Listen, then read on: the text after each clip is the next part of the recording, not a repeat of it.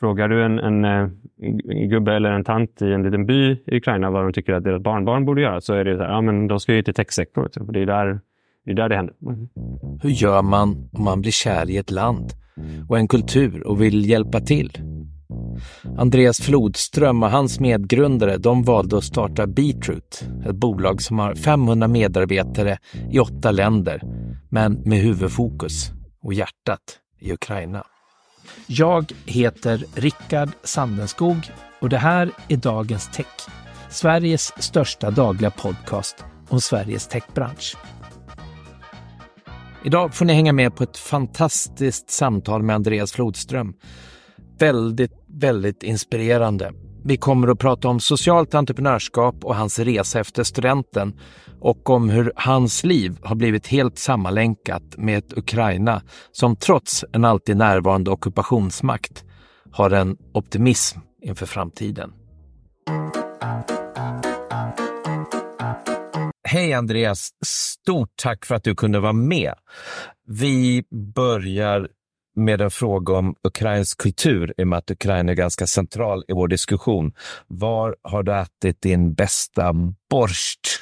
Ja, det är en bra fråga. Ja, det har blivit många bra borst genom åren. Eh, man skulle väl kunna säga på, hos min frus eh, vad blir det, morföräldrar eh, ute på landet där. eh, där är borsten god och eh, i princip allt man äter där är hemmaproducerat liksom, från den lokala bondgården. Så.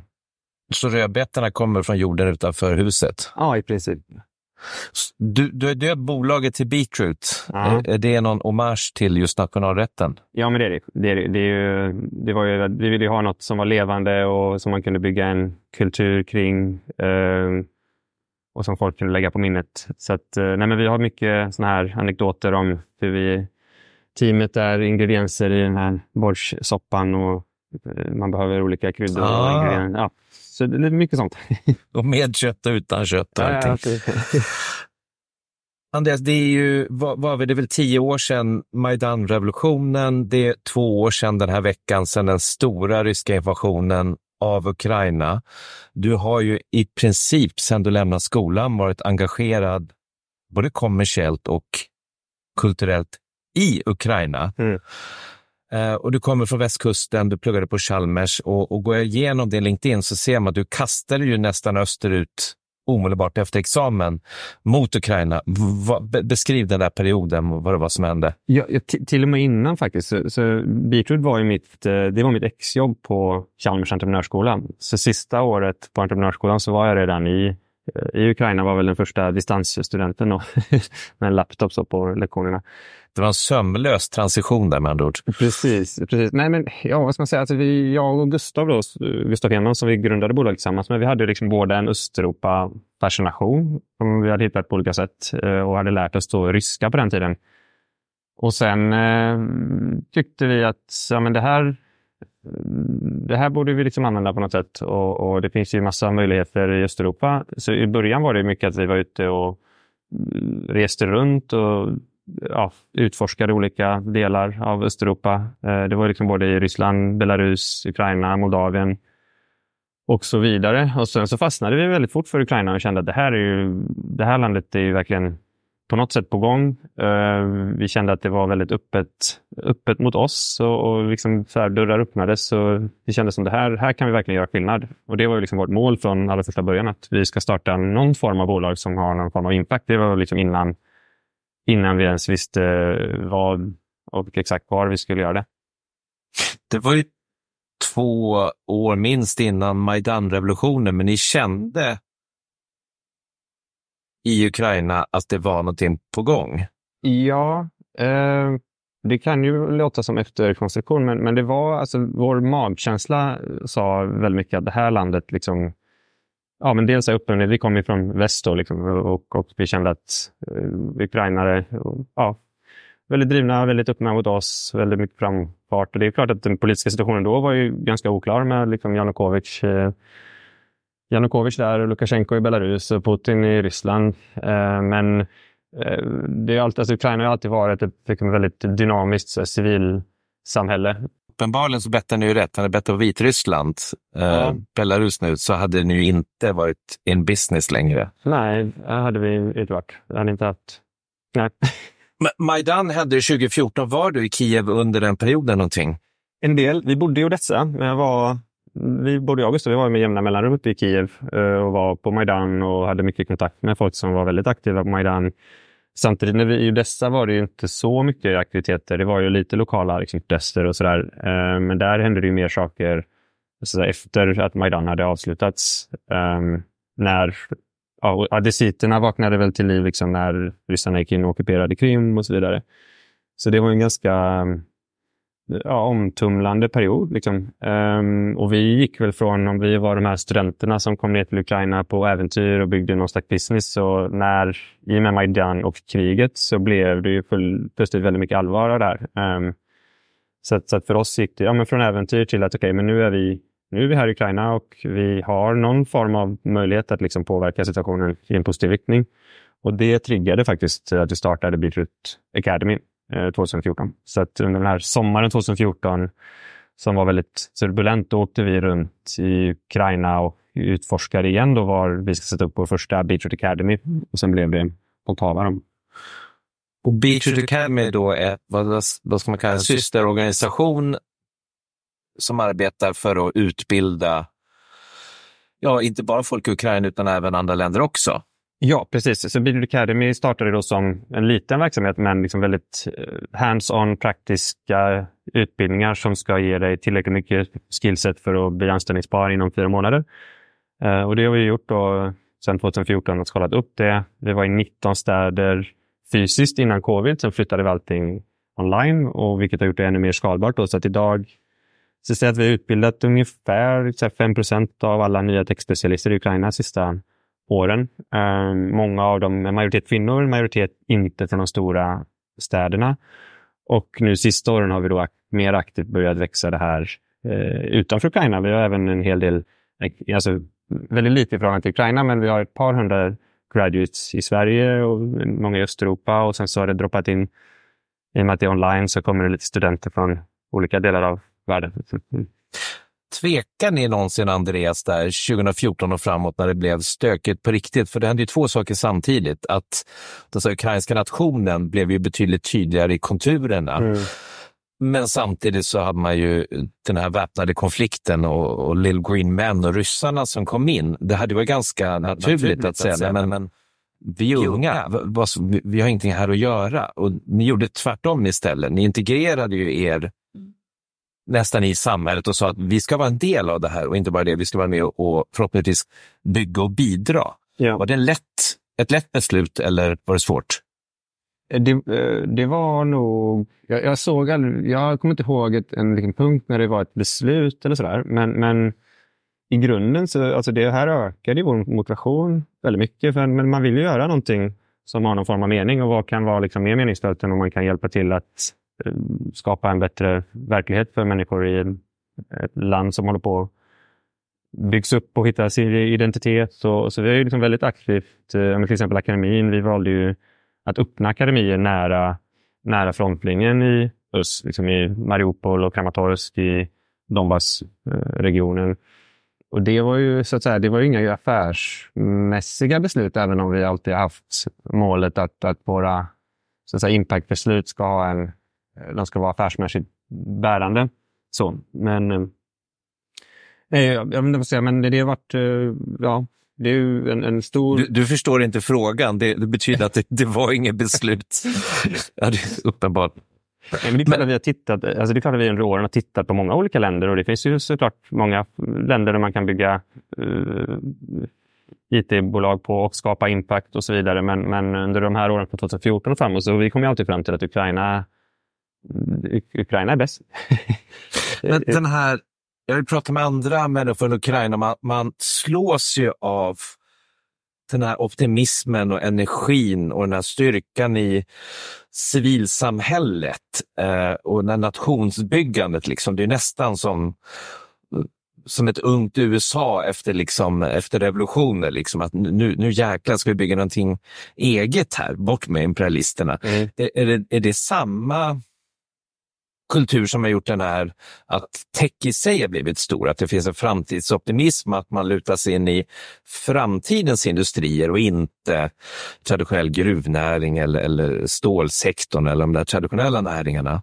Eh, jag tror i alla fall att det är en viktig ingrediens i eh, techbranschens eh, framfart. Jag menar, techbranschen i Ukraina har ju växt ungefär 20, mer än 20 procent per år i snitt sedan vi flyttade dit 2000, 2012. Och det är klart att det, som man säger, alltså den, att jobba i techbranschen i Ukraina är ju lite som att uh, gå från en annan bransch till techbranschen är ju som att göra en klassresa. Eh, både ekonomiskt men också liksom, så säga, mentalt där man plötsligt blir en del av en internationell kontext och man jobbar med nya teknologier. Och, och så det är klart att um, det är väldigt mycket i Ukraina är liksom ett land i transformation och techbranschen har, är en väldigt viktig del i den här transformationen. Det är som att det växer fram liksom en ny medelklass och ja, sådär. Det är nästan som en katalysator. Jag, jag tänkte just det där med om vi tittar på det är en ung, ungt ledarskap också. Det är unga ministrar. Man har en digital ministerium till och med, va? Ja, och det här är ju med det här ministeriet, det är ganska roligt för de kommer ju, det är ju liksom våra kollegor från techbranschen som har sitt ministerium där och, och jag, vi jobbar ju med dem i olika frågor och det är ganska roligt när man kommer in i den här eh, press, presidentadministrationsbyggnaden så är det ju väldigt så här, det är en formell byggnad, man känner liksom det där byggt under Sovjettiden och sen så öppnar man liksom dörren till digitaliseringsministeriet och då är det som att man går in i liksom startup inne i eh, i myndighetsbyggnaden. Um, så det, ja. På vilket sätt då? Är det Coca-Cola-maskiner? Och... Nej, men det är liksom whiteboards och post-its och det är brainstormas och det är folk som liksom... Där är folk inte i kostym utan man går runt och liksom... Ja, men du vet, det är mer så här, det är som att gå in på ett techbolag inne i den här formella presidentadministrationsbyggnaden. Så runt Zelensky finns det i alla fall öar av en traditionell startupkultur som han har absorberat upp. Ja, eh, precis. Och han, jag menar, han kommer ju inte... Han är själv liksom från en eh, annan värld, liksom en, politik, politikervärlden. Ja. Um. Spännande. Och, och det är många, du, du va, va, vad ska vi kalla det, vanliga Beatroot, eller vad kallar du? Alltså, Beatroot, Beatroot outsourcing. Tech kan man kalla det. Ja.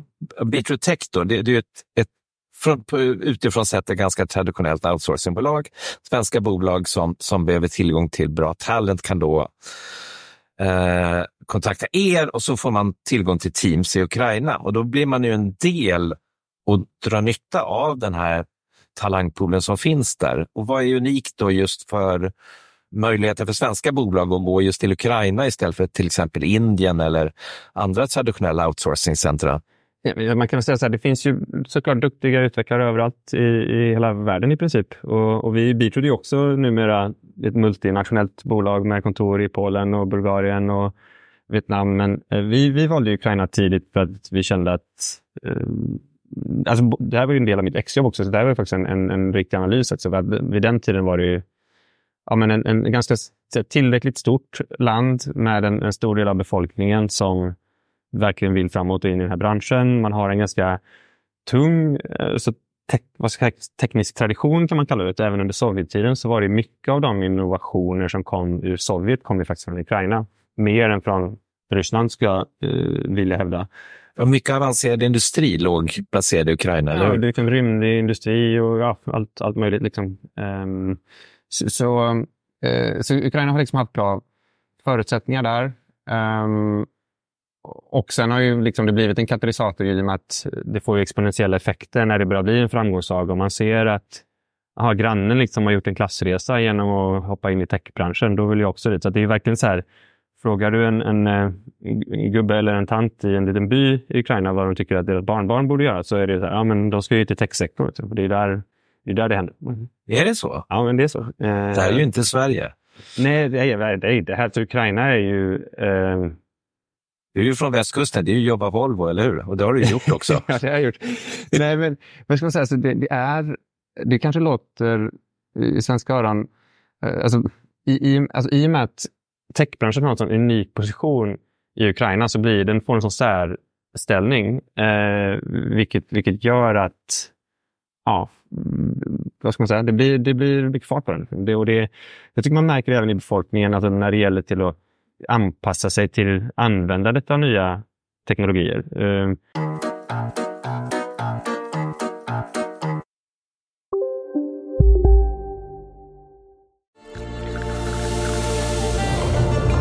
Välkommen till Maccafé på utvalda McDonalds restauranger med Baristakaffe till rimligt pris. Vad sägs om en latte eller cappuccino för bara 35 kronor? Alltid gjorda av våra utbildade baristor. Hej, Synoptik här. Hos oss får du hjälp med att ta hand om din ögonhälsa. Med vår synundersökning kan vi upptäcka både synförändringar och tecken på vanliga ögonsjukdomar. Boka tid på synoptik.se.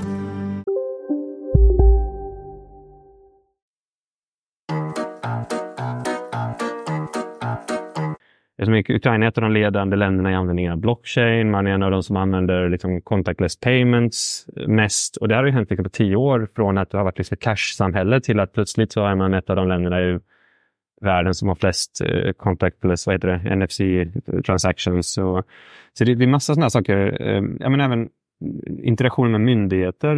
Eh, när jag flyttade dit, då var ju Ukraina ja, byråkratiskt, mm, vad ska man säga, helt, ja, det, var, det var tungt byråkratiskt. Liksom. Eh, men bara de sista fyra, fem åren så har i princip all interaktion med staten har flyttats över till en app. Eh, vilket gör att det är mycket enklare idag, skulle jag säga, att interagera med den ukrainska staten än med den svenska staten. Där du måste veta vilken myndighet du ska gå till. Och om du då är till exempel ukrainsk flykting, då har du inget bank-id. Så, då, så, att, så att det, det, är väldigt, det har hänt väldigt mycket på kort tid. Och det här är också den här DIA-appen som heter, det är ju just den här digitaliseringsministeriet som har eh, tagit fram den. Mm.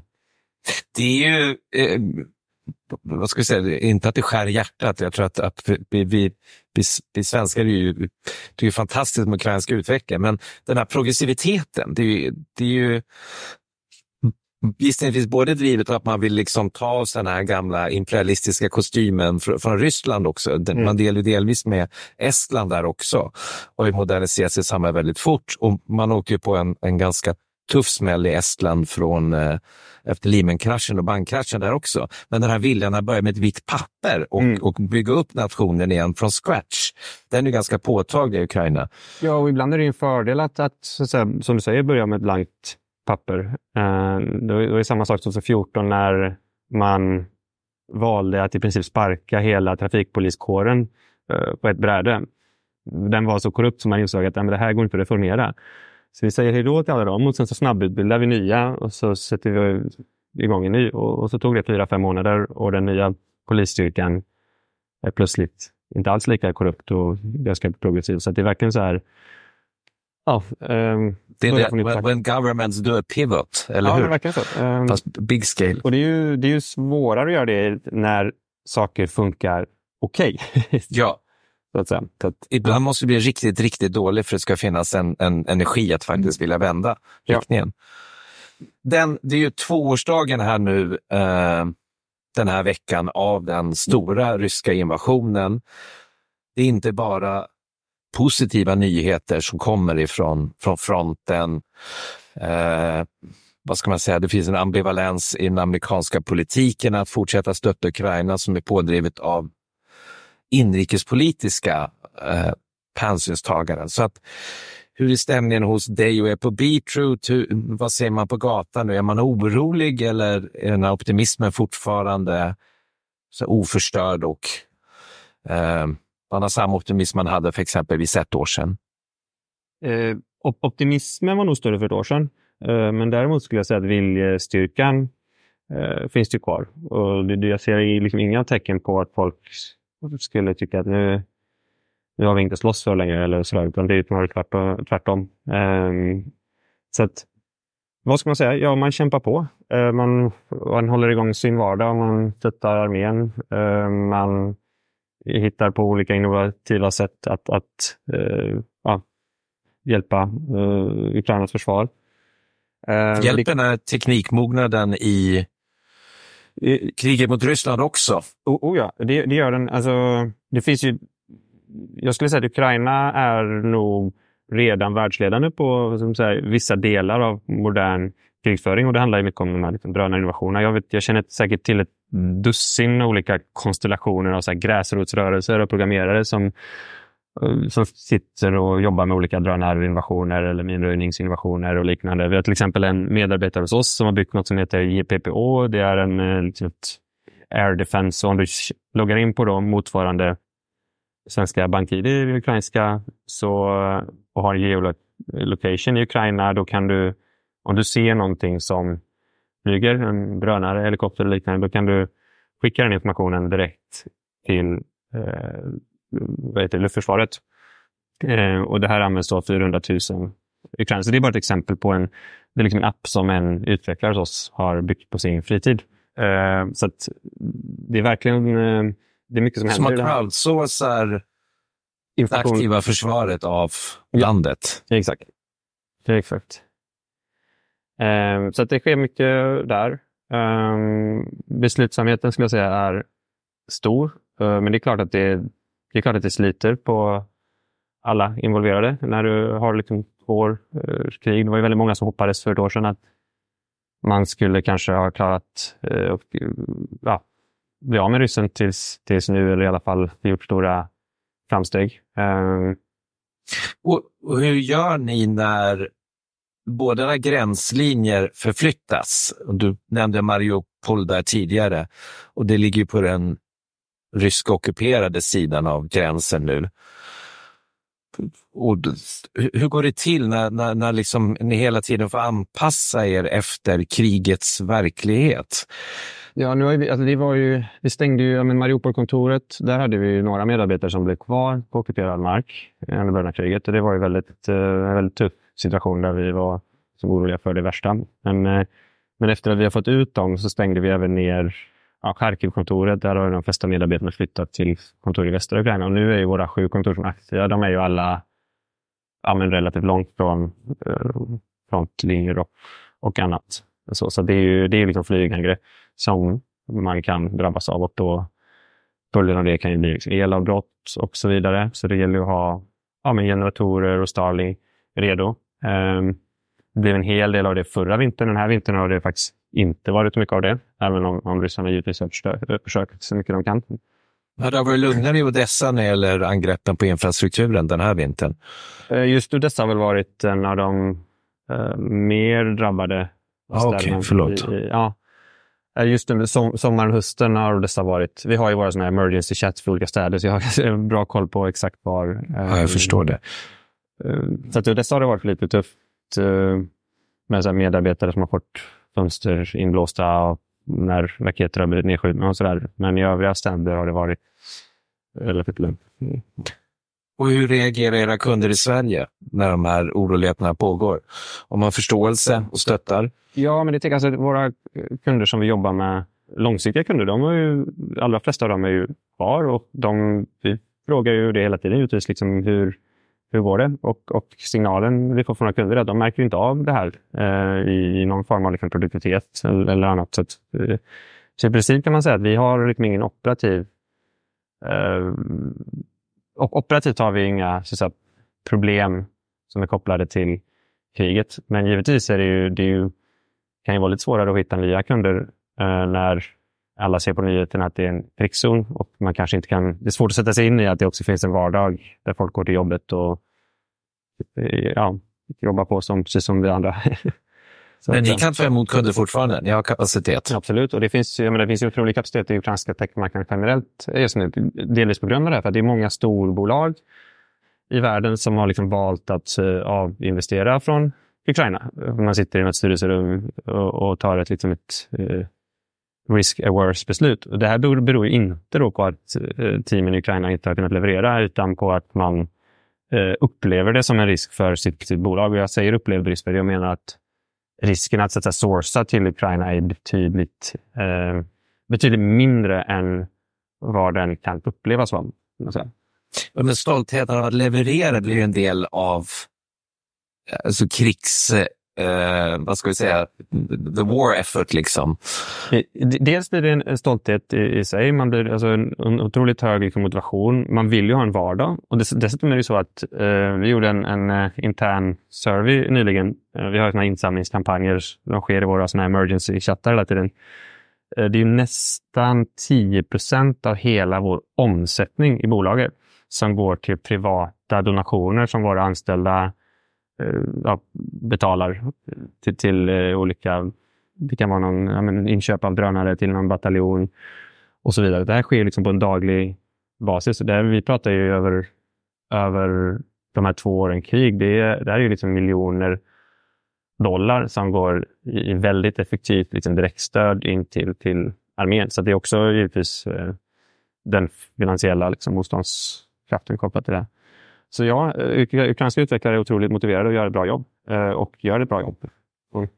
Du och, och dina medgrundare och, och dina bolagsarrangemang stöttar ju Ukraina helt fantastiskt. Och Sverige gick ju också ut häromdagen och eh, berättar om, om nästa stödpaket, fler stridsfordon och nu även stridsbåtar också. Och du hade tillfälle att träffa statsministern i Warszawa i veckan. Lyssnade han på dig? Jo, men det tycker jag. Eh, det var en ganska liten grupp eh, och, eh, så det var verkligen, vi fick verkligen en chans att leverera våra budskap och jag tycker att men det verkar som att det finns en stor enighet liksom, i den svenska politiken om att man ska hjälpa Ukraina och att det är snarare så att man jobbar liksom, med hur man kan göra det mer, mer effektivt. Och där, där tycker jag att ja, men det, det låter som att man verkligen jobbar med hur kan vi eh, bli mer effektiva i vårt stöd till, till Ukraina. Eh, men det finns mycket att göra där. ja. Ukrainska entreprenörer har sagt det är liksom inte charity att hjälpa oss, det kommer att vara good business. Uh, ju mer ni engagerar er, ju mer effektiva kommer du som bolag eller nation kunna delta i vårt återuppbyggande som kommer vara bra för ditt land och bra för dina storföretag. Delar du den synen? Hundra procent. Vad tydligt svar. sista, sista fråga, Andreas. Jag har läst någonstans att, att eh, ni har varit med och signat någon, något upprop om att göra Krim till en tech-hub efter att halvön har befriats från de ryska ockupanterna. Så när, när tror du att du får vara med på något event där i Sevastopol och konstatera att du, du har varit med och nått det målet? Mm. Ja, jag har nog, uh, man har nog slutat försöka ge såna här tids, tidslinjer. Um, tyvärr. Um, den dagen kommer. Uh, om den kommer om ett år, eller om två, eller om fem, eller om tio, det vet jag inte. Men jag uh, känner mig övertygad om att den dagen kommer och så fort den dagen kommer så kommer vi vara där uh, tillsammans med många andra och se till att Krim får en, uh, blir en framgångssaga och får en, en, en bra återintegration. Tack Andreas. Tackar. Ja, ni hörde, det finns gott om tech-talang i Ukraina. Om ni går in i show notesen till det här avsnittet så har vi lite länkar till Beatroot och Beatroot Academy. Om ni tror att ni kan hjälpa till eller behöver hjälp med tech-talanger från Ukraina, gå in där och gör vad ni kan för att hjälpa till så mycket det går. Vi fortsätter lite med Ukraina-tema nästa vecka. På måndag då får vi höra från Patrik Fältström om hur han och många andra har sett till att internetinfrastrukturen i Ukraina har kunnat överleva alla ryska bombattacker. Dagens Tech är Sveriges största dagliga podcast om nyheterna och människorna i den svenska techbranschen. Podden den görs av mig, Rickard Sandenskog och produceras av Halvt Vargtjut Media AB. Och musiken kommer från Epidemic Sound. För att hjälpa oss med podden så skulle vi bli glada om du gjorde två saker. Följ oss eller prenumerera på oss i din favoritpoddspelare nu och tipsa alla dina vänner. Vi hörs!